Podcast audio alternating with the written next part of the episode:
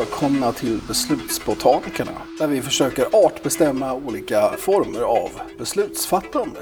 Det är därför vi heter Beslutsbotanikerna. Vi försöker botanisera i hur människor fattar beslut och kategorisera in i olika typer av beslutsfattande. Allt med målet att eh, förstå hur människor fattar beslut.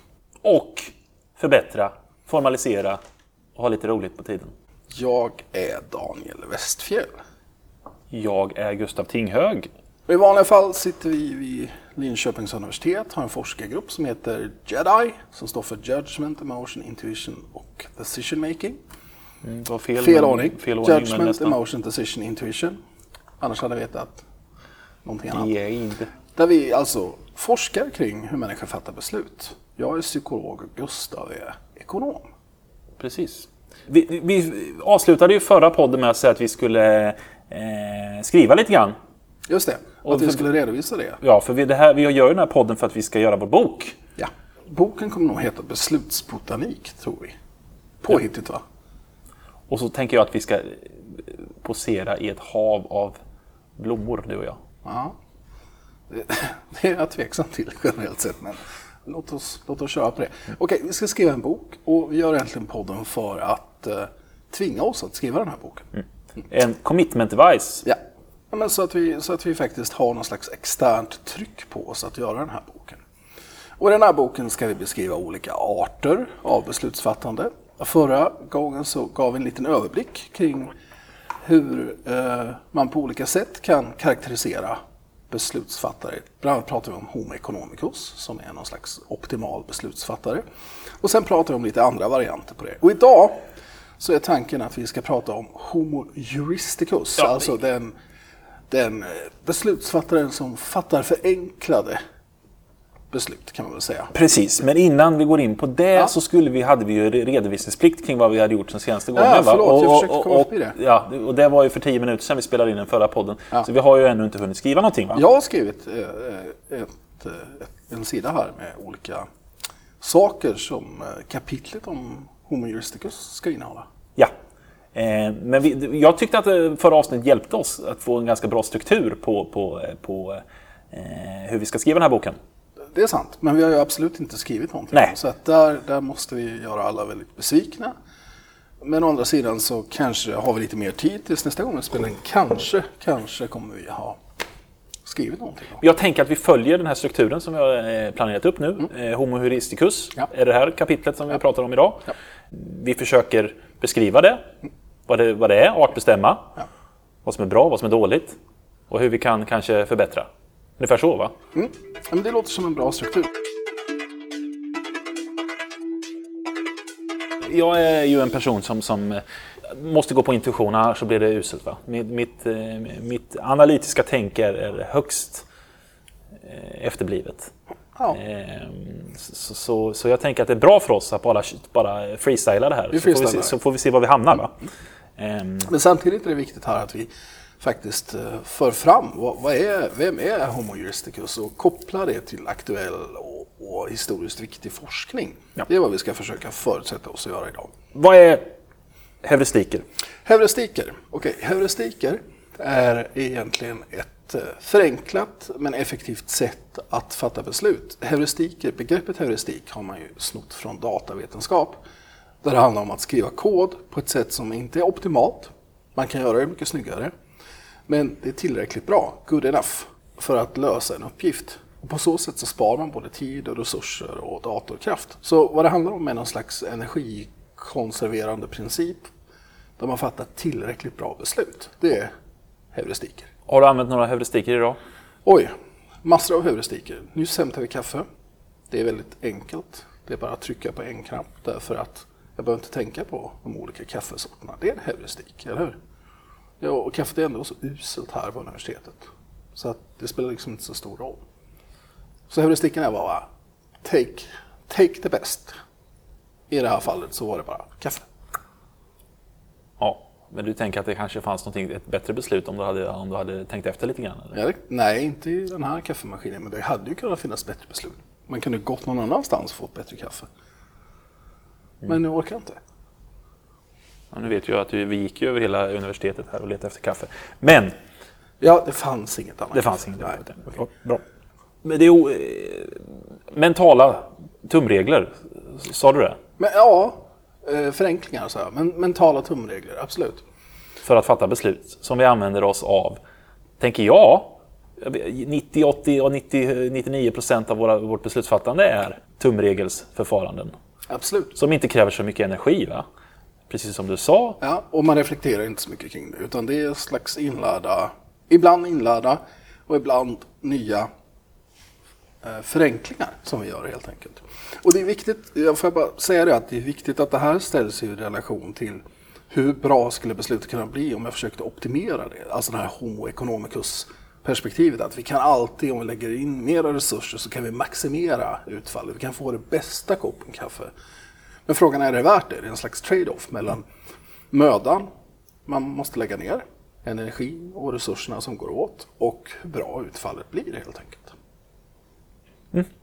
Ehm, Daniel Kahneman, System 1, System 2 är ju en tydlig populär beteckning på det här med Homo heuristicus. Va? Där, där Homo heuristicus är en System 1-varelse.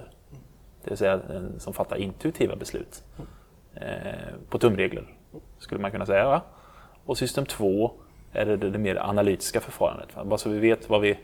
Det finns ju lite olika benämningar på, eh, Nej, på det det, här. stämmer ju. För de som är intresserade så kan man ju läsa till exempel den populärvetenskapliga boken Daniel Kahneman har gett ut och sålt i flera miljontals ex. Tänka snabbt och långsamt. Där han beskriver de här två sätten som vi processar information på. Där system 2 just är det här mer analytiska, långsamma. Därför att det kräver att vi processar information seriellt. Först tänker vi kring vad är det för kaffe jag vill ha och sen tänker vi kring okej, vad måste jag göra för att uppnå att få det här kaffet jag vill ha. Eh, och system 1 då är mycket mer intuitivt. Eh, man går på en slags associativ nivå. Att okej, kaffe, jag trycker på ett som jag alltid trycker på och så blir det kaffe.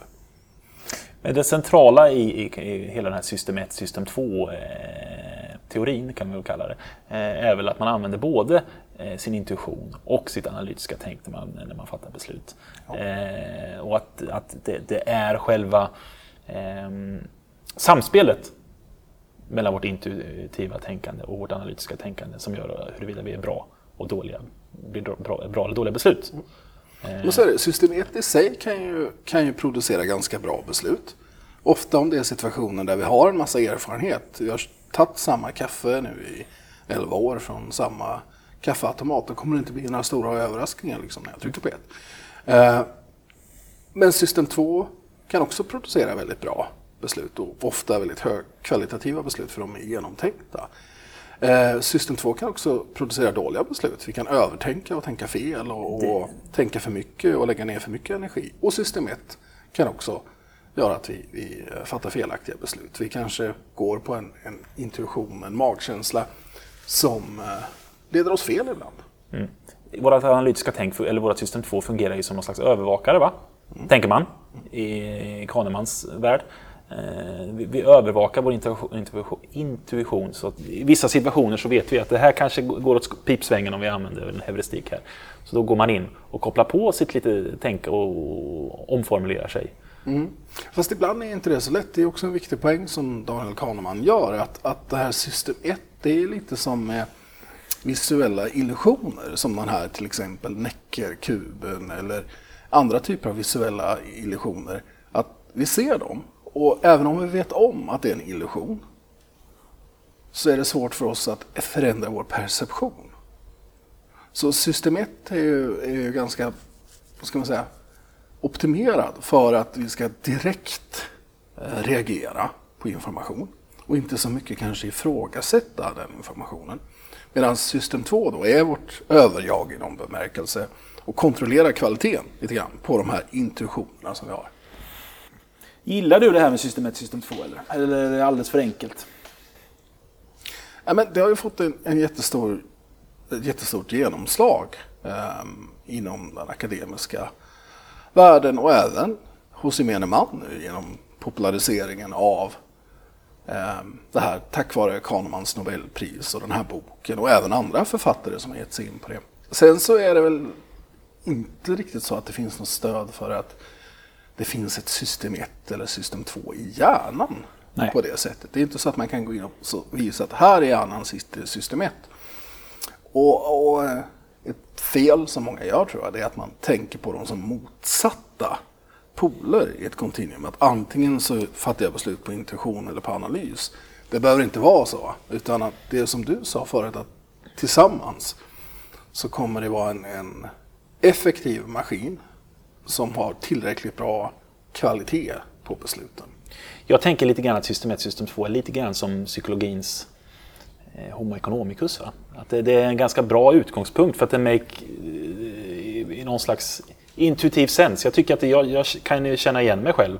Att jag ibland tänker analytiskt, ibland tänker intuitivt och, och ibland så, så, går, det, går det åt pipsvängen när jag tänker eh, intuitivt, ibland går det åt pipsvängen när jag tänker analytiskt. Men att det att få till den, den rätta mixen va, som, som är eh, det problematiska i, i, i mitt vardagliga beslutsfattande. Mm. Eh, och, och, och, jag, och, jag, tänker eh, ofta så det här med att misstro sin intuition. Va? Mitt var det att jag stod i duschen och tänkte häromdagen. En, en heuristik som jag har, lite grann, att om andra gör det så är det säkert dåligt. Mm. En slags omvänd social heuristik. Ja, om jag bara följer efter vad andra gör så blir det inte bra. Ja. Så, så då tänker jag ofta så här att min intuition är ofta fel. tänker jag då. Så om jag då analytiskt korrigerar min intuition så blir det då fel ofta. Fattar du? Mm, mm, mm vi har ju de här typiska eh, ball and the bat eller boll och slagträ, eh, alltså eh, dilemmat. Kan vi dra det? Alltså en, en boll och ett slagträ kostar... Ja, eh, slagträ kostar 100 kronor, bollen kostar 10 kronor. Är det det du ja. tänker på? Ja. Och nu är det ditt Ja, du, du drog ju du svaret där. Ja, det gjorde jag. Fast... Så, ja, jag kunde det. Den rätta formuleringen hade varit att en boll och slagträ ja. kostar 110 kronor. Eh, slagträet kostar 100 kronor mer än vad bollen gör. Ja. Vad kostar slagträet? Ja. Vad är rätt svar? Nej, bollen. Ja. Det här, nu, kolla här, nu bara helt ute och seglar. Ja, 10 kronor är svaret. Nej. Nej.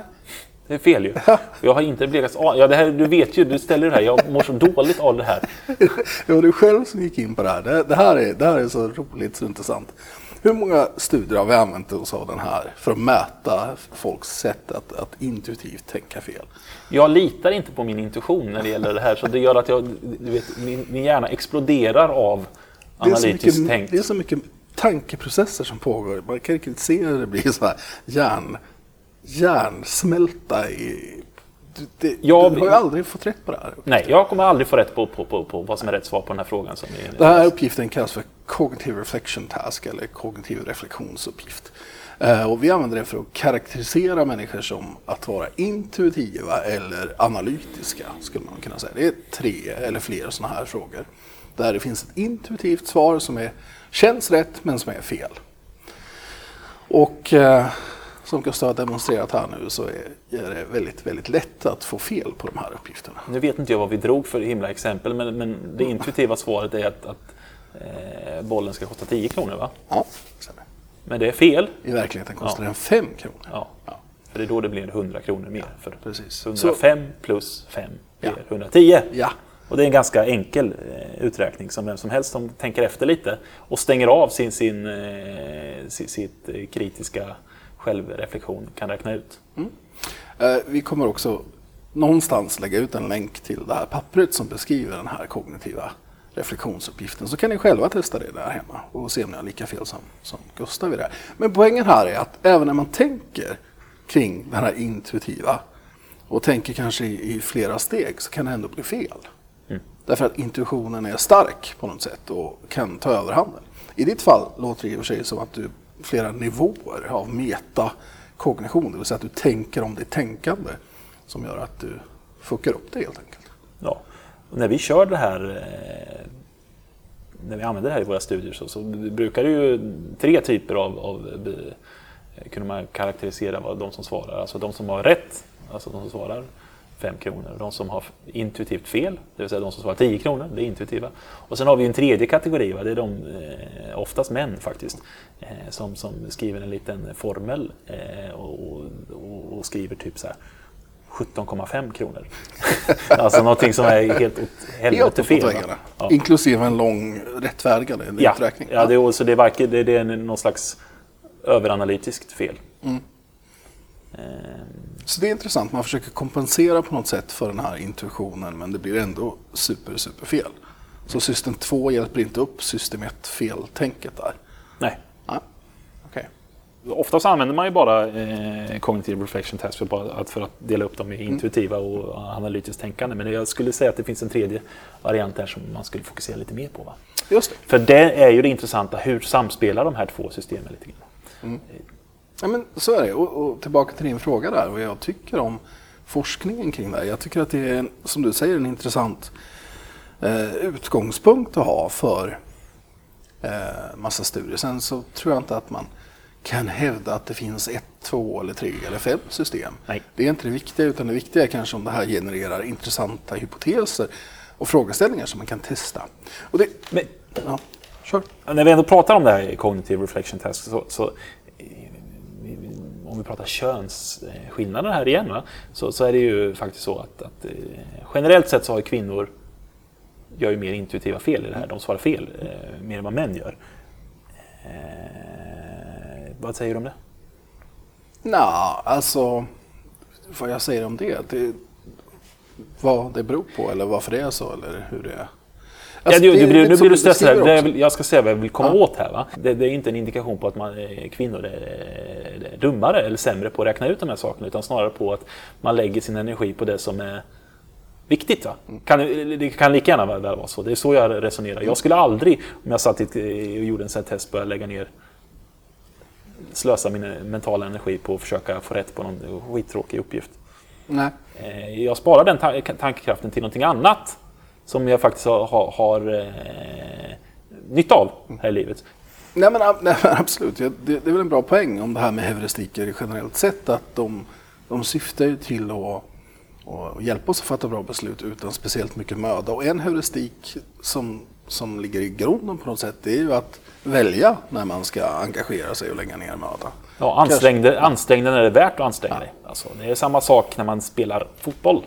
Springer inte på varje boll, järnet, även om det, det, utan ibland får man ju liksom välja sina kamper. Just det, för då kommer du bli utmattad. Ja. Du har inte energi att springa på allting. Ja, men det, det är en väldigt, väldigt viktig poäng.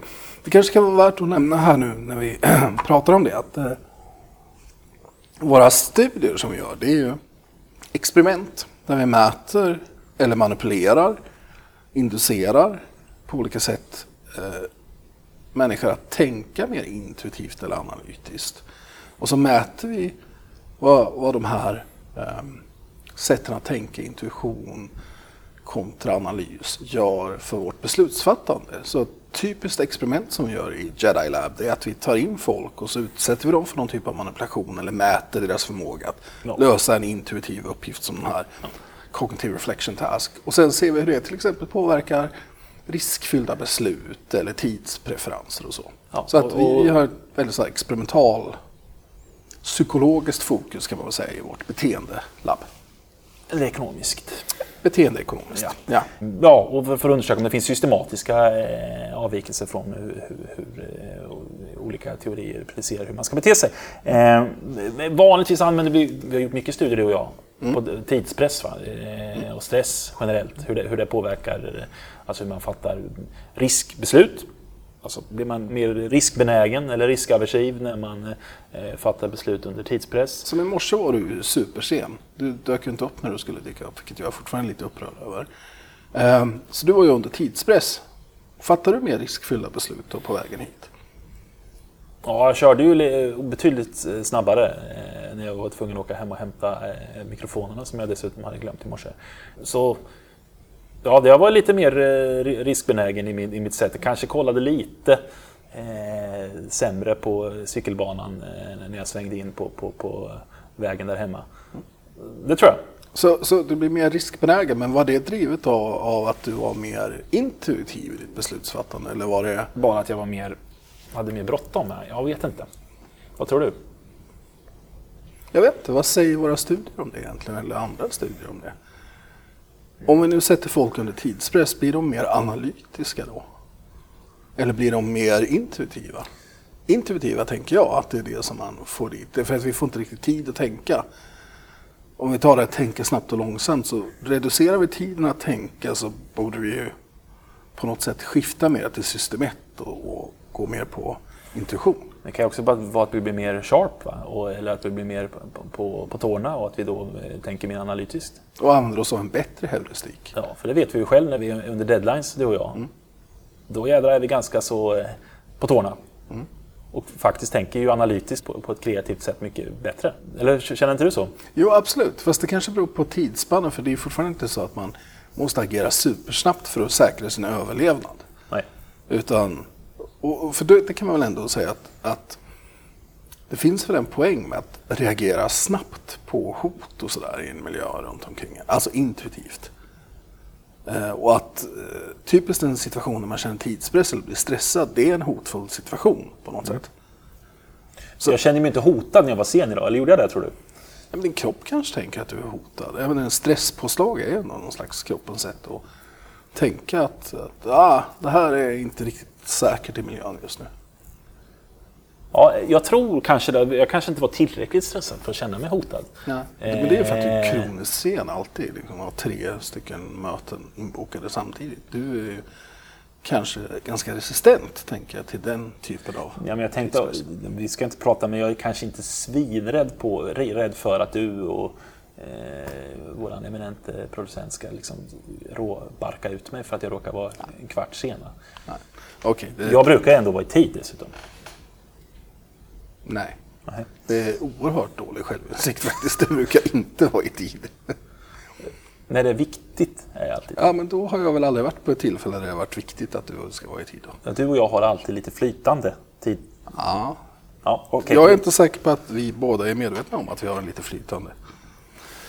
Det här är sak samma. Heuristiker då. Vi Eh, måste nog exemplifiera, det känns som vi snackar bara runt här nu. Eh, Ja. ge mig några exempel på några bra eh, heuristiker.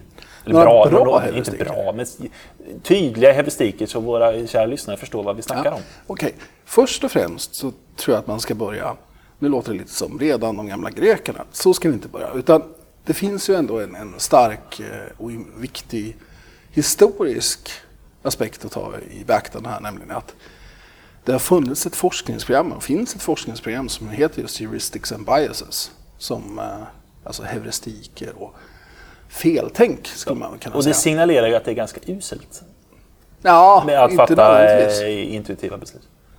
Nej, alltså, tanken från början med det här forskningsprogrammet det var att visa egentligen på avvikelser från någon typ av optimalt rationellt beslutsfattande. Framförallt så Amos Tversky och, och Daniel Kahneman som eh, egentligen hittar på ett antal situationer där folk inte riktigt agerar som de hade tänkt sig. Att man till exempel överviktade viss information och underviktade annan information. Och målet där var väl egentligen bara att visa att vi systematiskt tänker på ett icke-optimalt sätt. Det kan ibland vara bra, det kan ibland vara dåligt. Ja, det är vi överens om. Ja. Men eh, just forskningsprogrammet Heuristics and Biases Ja. signalerar ju att det är någonting som inte är optimalt. Bias är väl... Det är en negativ påverkan, feltänk Ja. kan man ju säga. Feltänk är ju inte rätt, bra tänk. Nej, det har du, det har du rätt i. Egentligen Så, så man- det här forskningsprogrammet så, så det, signalerar ju att det är dåligt med heuristiker. Ja. Om man utgår ifrån från eh, åtminstone eh, benämningen. Alltså, ibland så kan ju även en, eh, en Blind blind duva äta ett korn eller vad det nu heter. Mycket bra. Eh, här var ju bra, alltså, vi borde ju prata om det som, som feltänk och bra tänk va? i boken. Ja. För den uppdelningen är ju ganska viktig kan jag tycka. Det har blivit väldigt mycket fokus och det fick ju också Kahneman och Tversky mycket kritik för, bland annat av, av Gerd Gigerenzer. Att det var ett sånt fokus på de här feltänken och det negativa. Att människor är dumma och irrationella på något sätt. Men det finns en lika stor ingrediens av, av bra tänk i den här forskningen. Alltså, det är ju heuristics and biases. Bra tänk och feltänk. Heuristiker i sig är ju bara förenklingar. Ja. Och de kan bli bra eller dåliga. När är de bra? De, alltså, det beror på vilken nivå också av bra man pratar om. om. Det kan ju vara väldigt bra att inte lägga ner för mycket tid och energi på att fatta ett beslut som är oviktigt. Nu, efter, för, nu, nu, eftersom jag är ett under av eh, struktur här. Jag vill ändå att vi ska eh, lyfta upp några eh, heuristiker. Ja, va? Va- okej. Så att vi, vi vet vad vi pratar om. Va? Men då, då tänker jag att man kan lista några av dem som eh, Kahneman och Tversky pratar väldigt mycket om i deras Science-artikel från, vad kan det vara, 1984 kanske? 1974 kanske till och med. Och den boken som kom 1982, Heuristics of Biases, som Paul Slovik var med på också. Då pratar man till exempel om det här med tillgänglighet.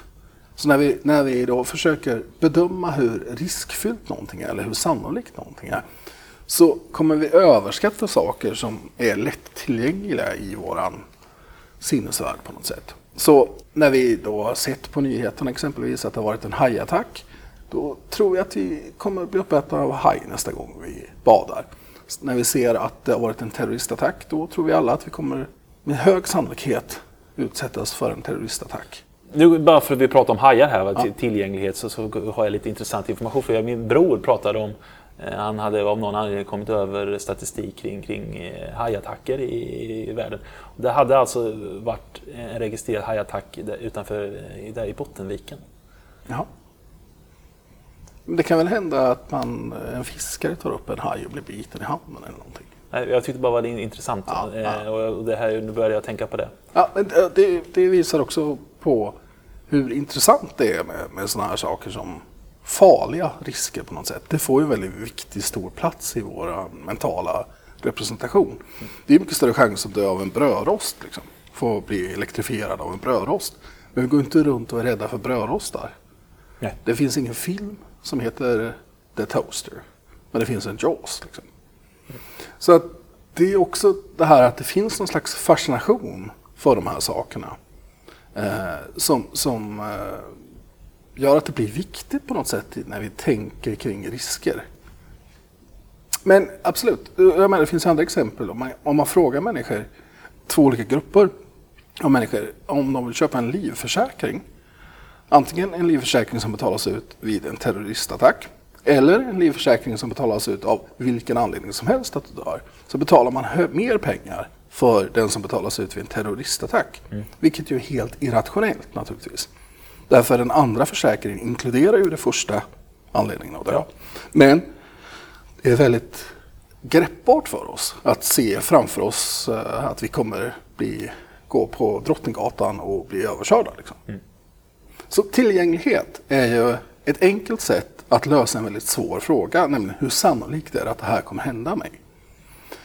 Och de här exemplen som jag har gett, de visar ju på att vi ofta gör feltänk, att vi överskattar saker som är väldigt osannolika och vi underskattar saker som är ganska sannolika.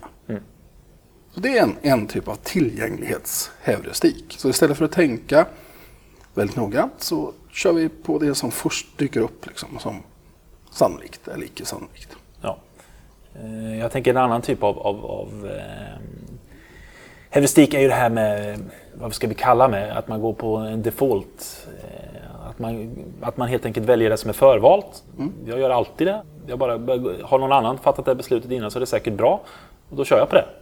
Eh, Men det kan ju i många fall vara så att de har va- valt det för att det ska bli dyrare för mig eller för att eh, de ska på något sätt utnyttja mitt, mitt, min, min ignorans för att jag i så fall ska, ska fatta beslut som inte är till, till gagn för mig själv eller, men snarare till gagn för någon annan. Ja, fast det finns ju också exempel där det har funkat som tur var ganska bra, som PPM-valet. Att gör inget aktivt val, utan kör på någon typ av fond som är rekommenderat förvalt så, så råkar det vara så att det är ganska bra med dina pensionspengar ändå. Så att det är väl inte inbyggt kanske att, att gå på ett förval är bra eller dåligt. Vad, vad, vad som är inbyggt är att det blir mycket enklare för dig. Ja. Men ofta så, så går vi ju med det. Vi ogillar ju att förändra saker och ting. Det är ganska skönt att ha det som vi alltid haft det. Va? Vi gillar status quo. Och det är förenat med stor, eh, eller stor, men det är förenat med viss emotionell smärta av att ge upp saker och ting. Eh, Ska jag välja vad, eh, om om jag ska flytta eller, eller bo kvar så, så värderar jag mitt eget hus lite högre. Va? Just för att jag, jag har en slags... Det är jobbigt att, att, att ge upp det jag har. Och det ser man ju också i, i marknader. Det som Richard Thaler blev känd för, hans muggexperiment det här med det som kallas för endowment-effekten. Att det vi äger värderar vi mycket högre än det vi inte äger. Så ska jag sälja min mugg till dig så vill jag ha mycket mer pengar än vad du är villig att ge mig. Och det kan man ju då få fram ganska enkelt i beteendeexperiment. Alltså det behöver inte så att man behöver ha en stark emotionell koppling till den här koppen som man har fått för två minuter sedan. Bara för att jag har fått den så värderar jag den högre än, än, än om jag inte hade fått den och skulle betala för den. Mm. Vilket är intressant. Det, men det är en intressant heuristik som man använder för att sätta ett pris på någonting. Bara att jag äger den, därför, därför är den bra. Men det är också ett jättestort intressant eh, problem på samhällsnivå där man försöker få en marknad med, med säljare och köpare. Om det nu finns en sån stark eh, effekt på något sätt, heuristik, att, att det jag äger redan det är mycket, mycket mer värdefullt än det jag inte äger. Så har man en, ett stort gap i vilja att betala och vilja att köpa. Mm. Eh, jag tänker också på det här med, med att jag pratar mycket om ganska, eh, vad ska man säga, oklara, lite lösa sätt. Jag tänker på sannolikheter och, och är det väldigt tydligt att eh, jag får upp en mental bild, då är det väldigt sannolikt. Men det finns ju också heuristiker som vi använder för att komma upp med numeriska estimat och siffror som det här med, med förankringseffekter exempelvis. Så att bara att vi får en, en numerisk indikator, till exempel om vi tar de två sista siffrorna i ett personnummer. Mm. Som ju är slumpmässigt fördelat på något sätt mellan individer. Så utgår man från de siffrorna när man sen sätter pris på till exempel hur mycket man skulle vilja betala för en chokladask. Ja, men det är ju någon slags undermedvetet som påverkar oss. Det, är det alltid undermedvetet när vi pratar heuristiker? Nej, det behöver det inte vara. Nej. Absolut inte. Vi kanske ska göra någon separation mellan undermedvetna heuristiker och medvetna heuristiker? Ja, medvetna heuristiker kan väl vara, för att det är också en viktig sak att mycket av det som vi, som vi gör för att bli bättre på någonting eller på att fatta beslut, det är att lära oss heuristiker, sätt som vi, vi får tillräckligt bra beslut. För. Så de måste ju vara medvetna på någon nivå, ofta. Ja, många måste ju vara det. Jag, ja. jag tänker att det, det, är väl det vi håller på med när vi går i skolan och vad vi lär oss multiplikationstabellen och, så vidare. Det är ju att vi lär oss heuristiker. Mm. Genom att analytiskt förstå vad vi, våra beslut så, så, bygger, vi, bygger vi våra egna. Det här kommer du hata, men det menar alltså att man får verktyg för att lösa problem. Nej. Vadå verktyg? Man lär sig heuristiker. Ja, okej. Okay. Ja. Vad är det för fel med, det kan man säga att det är verktyg? Det är det. Ja, då kallar det det potatos, potatoes eller vad det heter. Ja, ja. Det kan vi väl kalla det. Eh, men, och, när, och när man väl har, har programmerat in en, en, en heuristik genom sitt analytiska test så sitter den ganska jädra hårt, va? tänker jag. Eh, så då får man ju se till, och då, och då gör det eh, att man har svårt att ändra sig. Mm. Så. Jag tänker här, jag nu bara ska koppla till, till eh, slänga ut en, en, en, en eh, provocerande slev här. Nu har vi pratat sådana här eh, PBL som är populärt här i Linköping, Problem Based Learning. Det vill säga att man, man, får, man får ingenting serverat utan man ska själv lära sig och söka upp sin information. Och så det, vad det handlar om är ju mycket att man, att man får jobba väldigt hårt analytiskt för att bygga sina eh, heuristiker, mm. sina, sina tumregler för, för beslutsfattande. Ja. Och när man väl har gjort det så sitter de väldigt hårt. Just det. Så det är ingen som serverar hur man ska göra utan Nej, för utan, hitta bästa sätt att lösa den här uppgiften. Ja, för då har man liksom fått jobba hårdare för att få, få kunskapen och då sitter den hårdare. Och det, det köper jag. Men det är också att man blir väldigt kär i sin egen eh, kunskap och har väldigt svårt att, att eh, eh, göra avsteg från det man har lärt sig. Och det tycker jag man märker väldigt mycket bland folk som har fått kunskap i PBL, att de har svårare att göra avsteg. De har svårare att vara, vara, vara intuitiva i sitt sätt att, att förhålla sig till, till problemlösning. Och anpassa sig till ja. andra situationer. Ja. Vad säger du om det? Ja, jag vet inte om jag har gjort samma reflektion nödvändigtvis, men jag håller ju med helt om själva grundpremissen här. Att, att vi lär oss olika heuristiker, tumregler, mentala, eh, mentala tumregler. Och när vi väl har lärt oss dem, då sitter de rätt väl och då gäller det ju att vi har liksom tillämpat dem på ett bra sätt och applicerat dem på ett bra sätt. Har äldre personer mer tumregler än eh, yngre personer?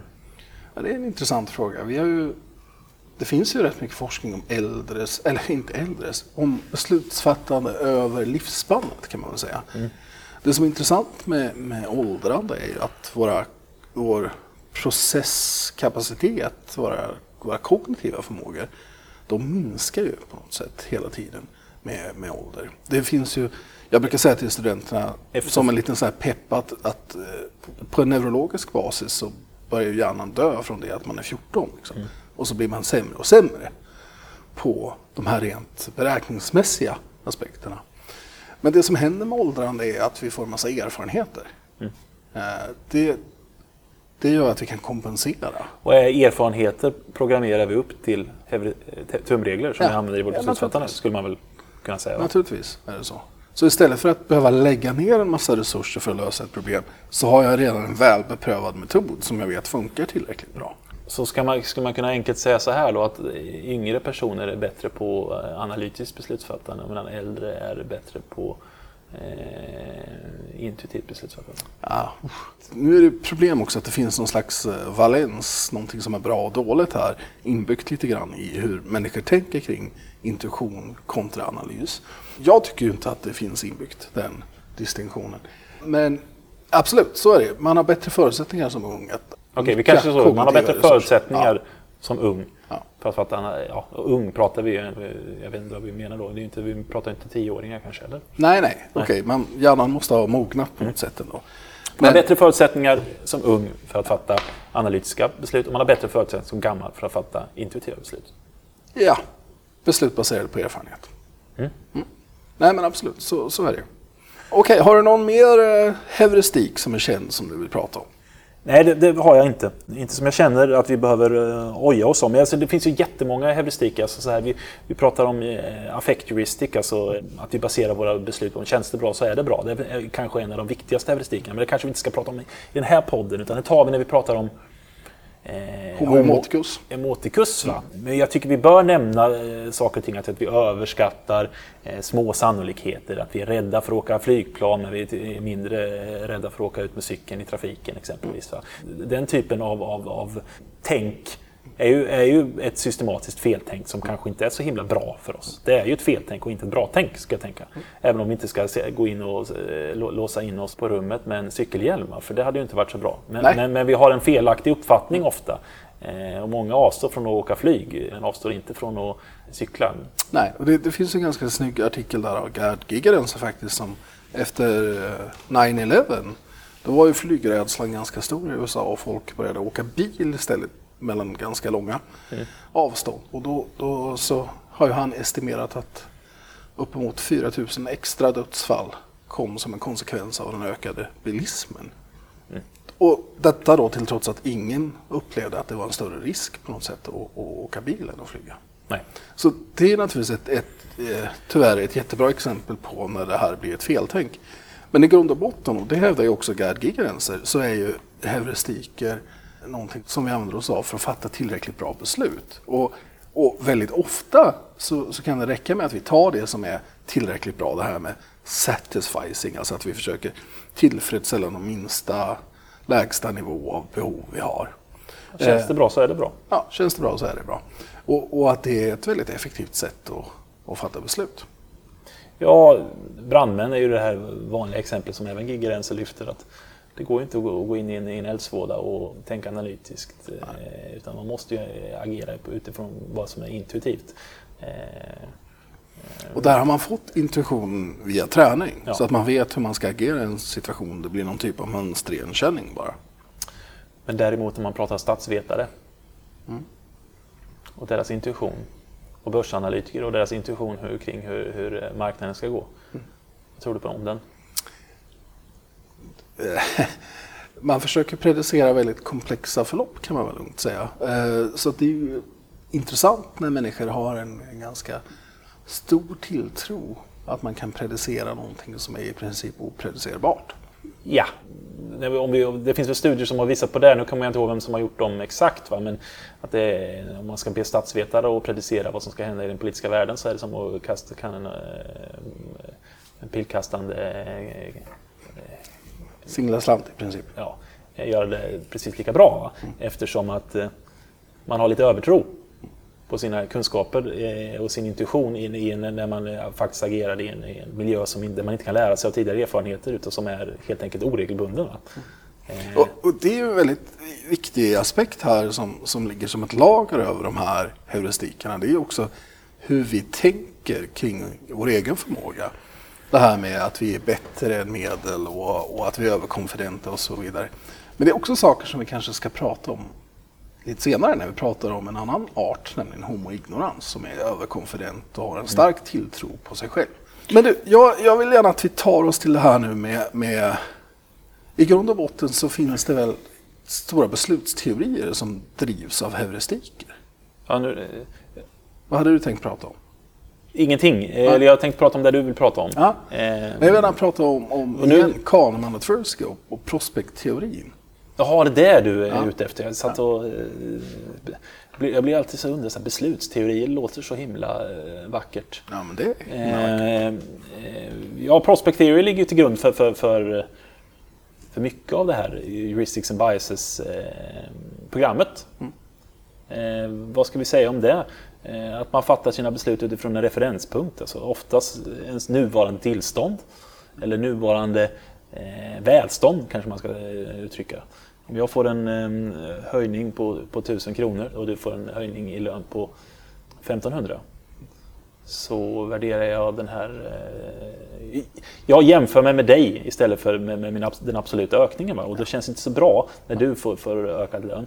Nej. Mer än vad jag har. Så då ser jag det snarare som en, en, en- lönesänkning trots att det faktiskt är 1000 kronor. Just det, så man kodar vinster och förluster relativt till en referenspunkt. Ja.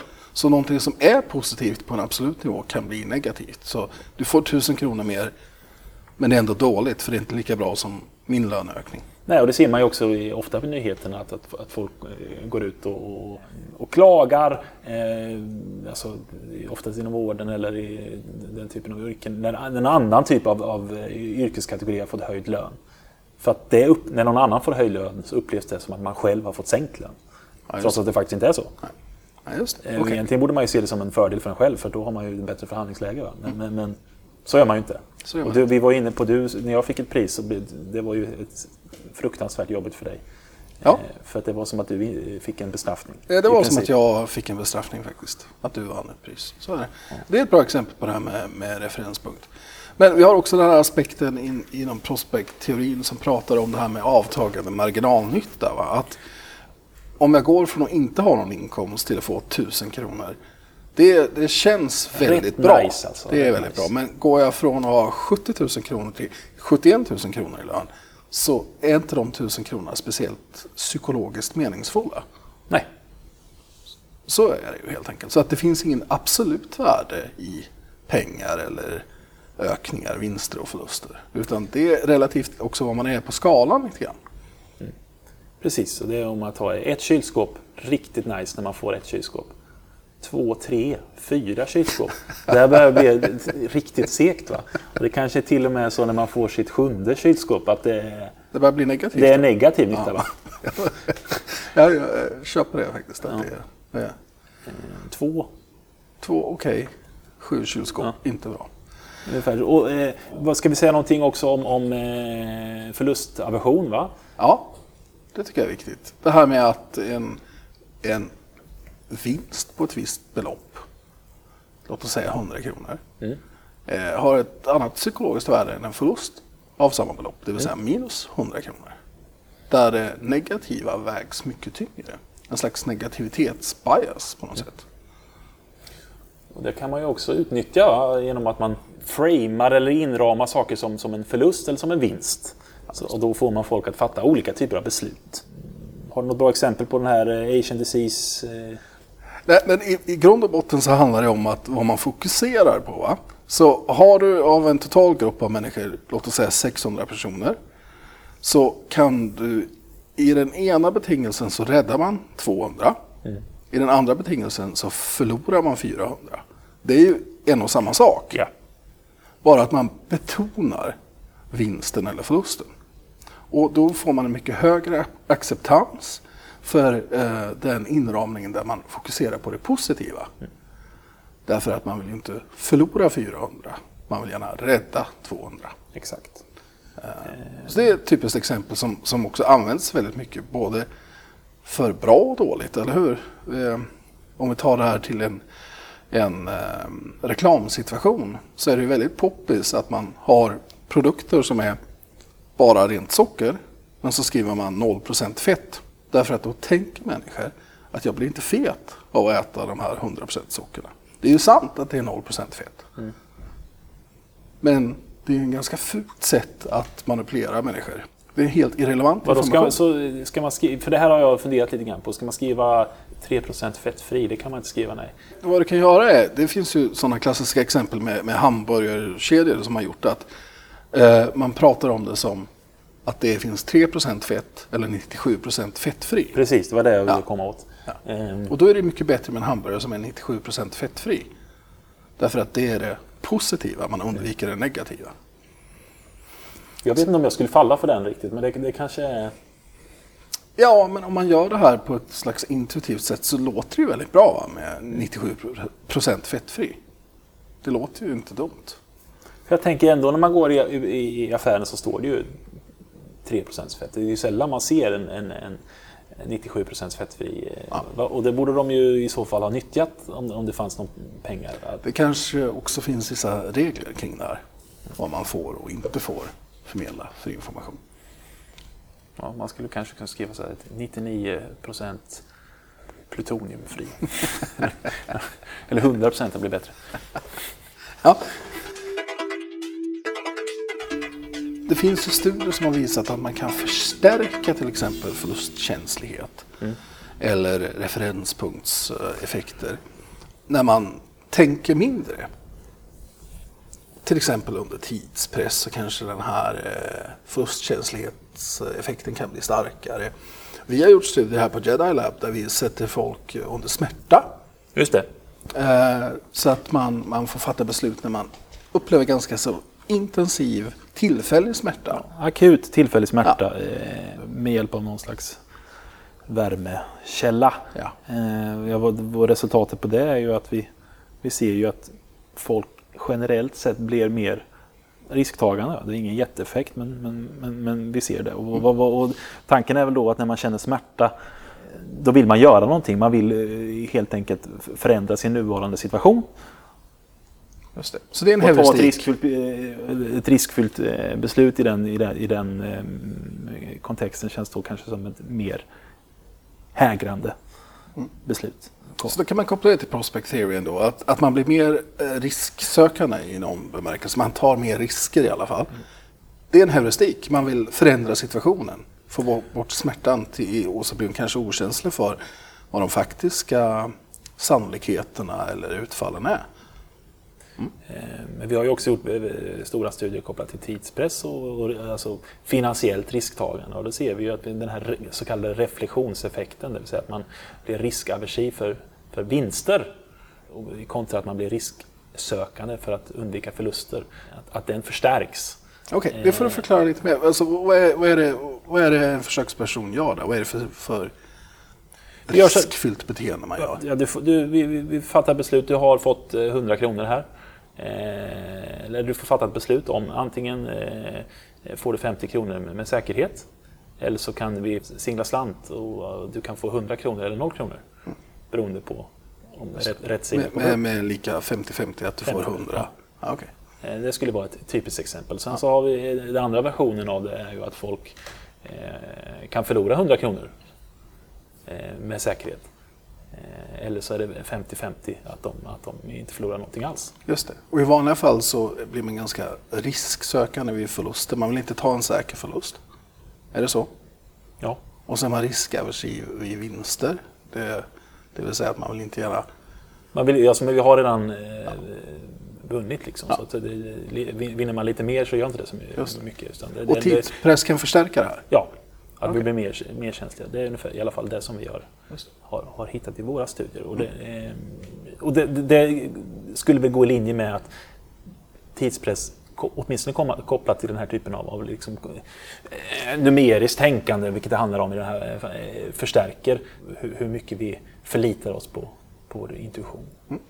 Så för heuristiken här är ju egentligen klar att vid vinster och förluster så har vi olika typer av beteende. Mm. Det är ju heuristiken på något sätt. Och sen kan man förstärka den med någon slags intuition. Ja. Jag, jag tänker också att när vi pratar om, vi ändå är inne på det här med förluster och, och, och, och vinster, att när vi, om vi tittar på en sån sak som Riks, eh, Lyxfällan så har man förlorat väldigt mycket pengar. Så då skiter man ju i om man förlorar lite till. Då blir man väldigt risksökande.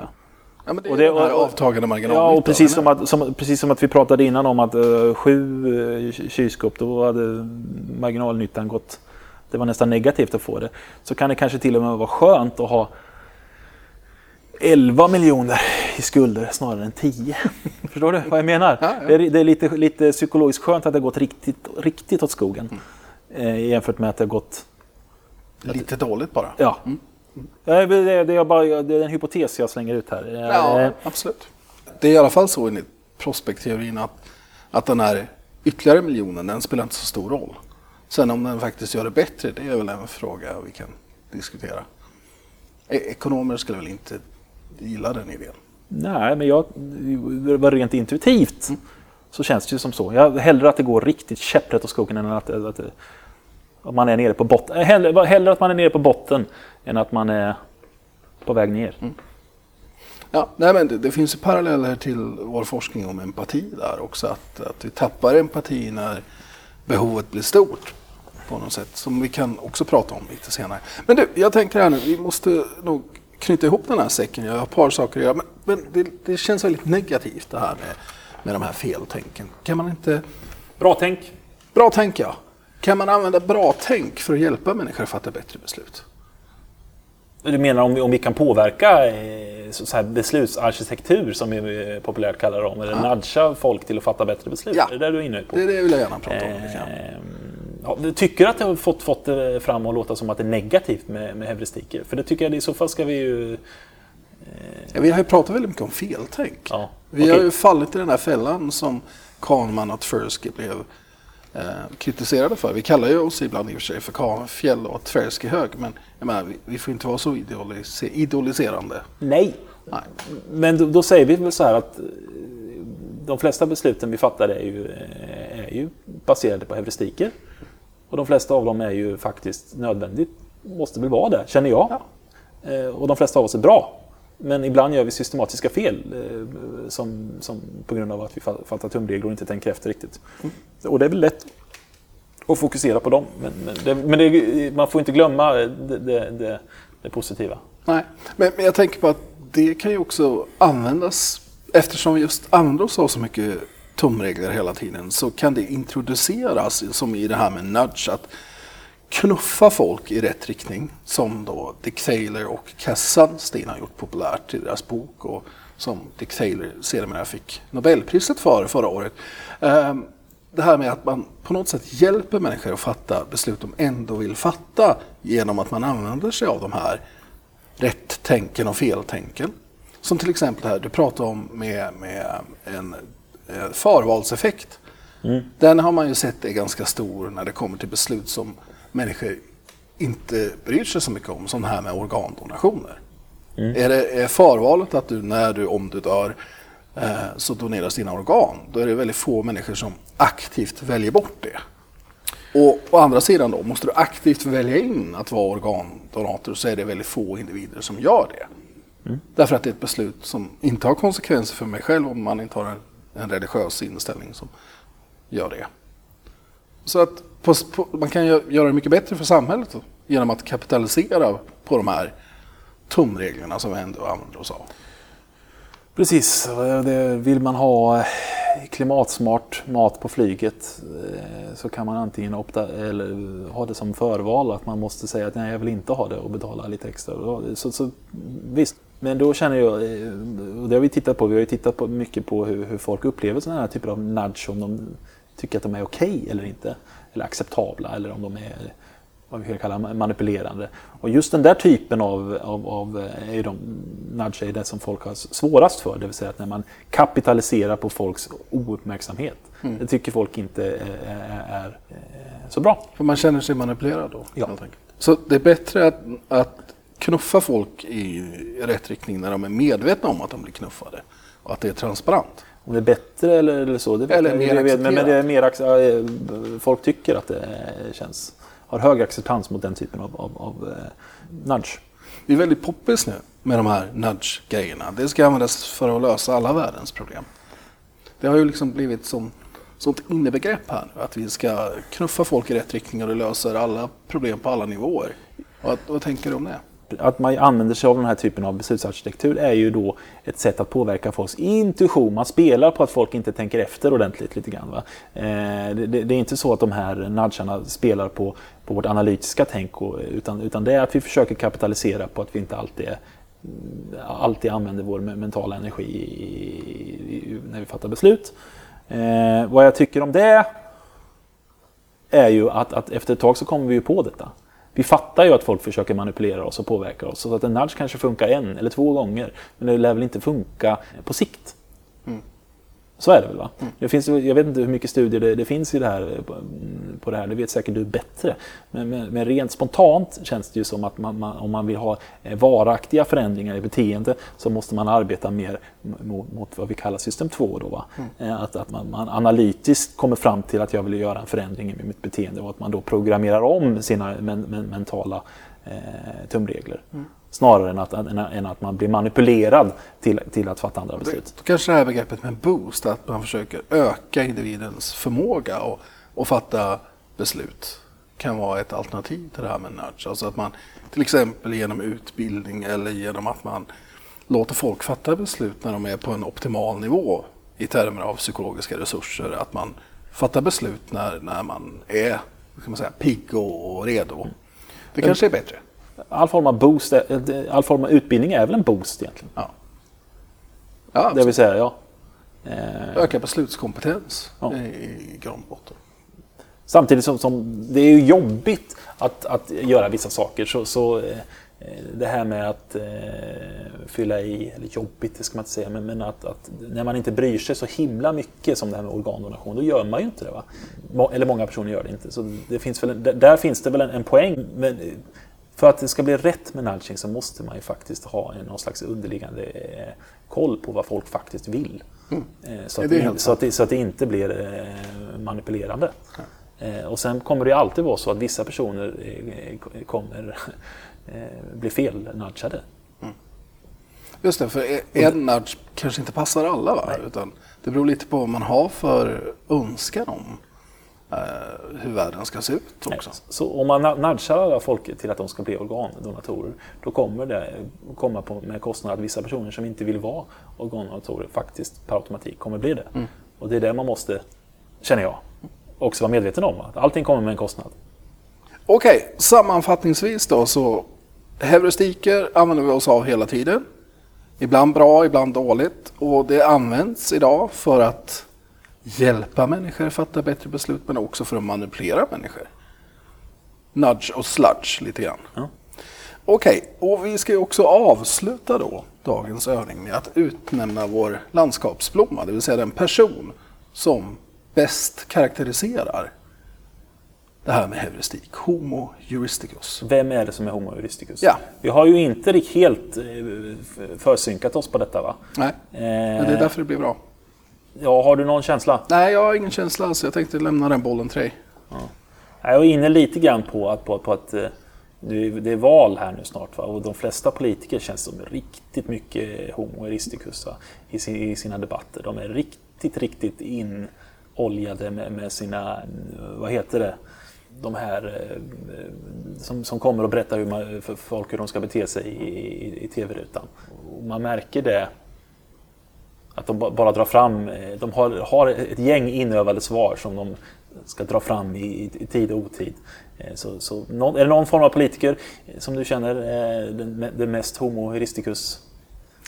Uh, ja, alltså det, jag tycker väl att uh, de flesta politiker använder sig av den här Jag, tyck, jag tyckte att det var lite kul här nu senast när eh, Åkesson och, och, och eh, Stefan Löfven höll på att bråka om eh, det var våldtäkter och, och invandring, eh, någonting åt det hållet. Jag Den vanliga diskursen, Ja. känns som. Eh, Och, och eh, Åkesson bad eh, Stefan att liksom svara på det, eh, anklagelsen, om han tyckte det var okej.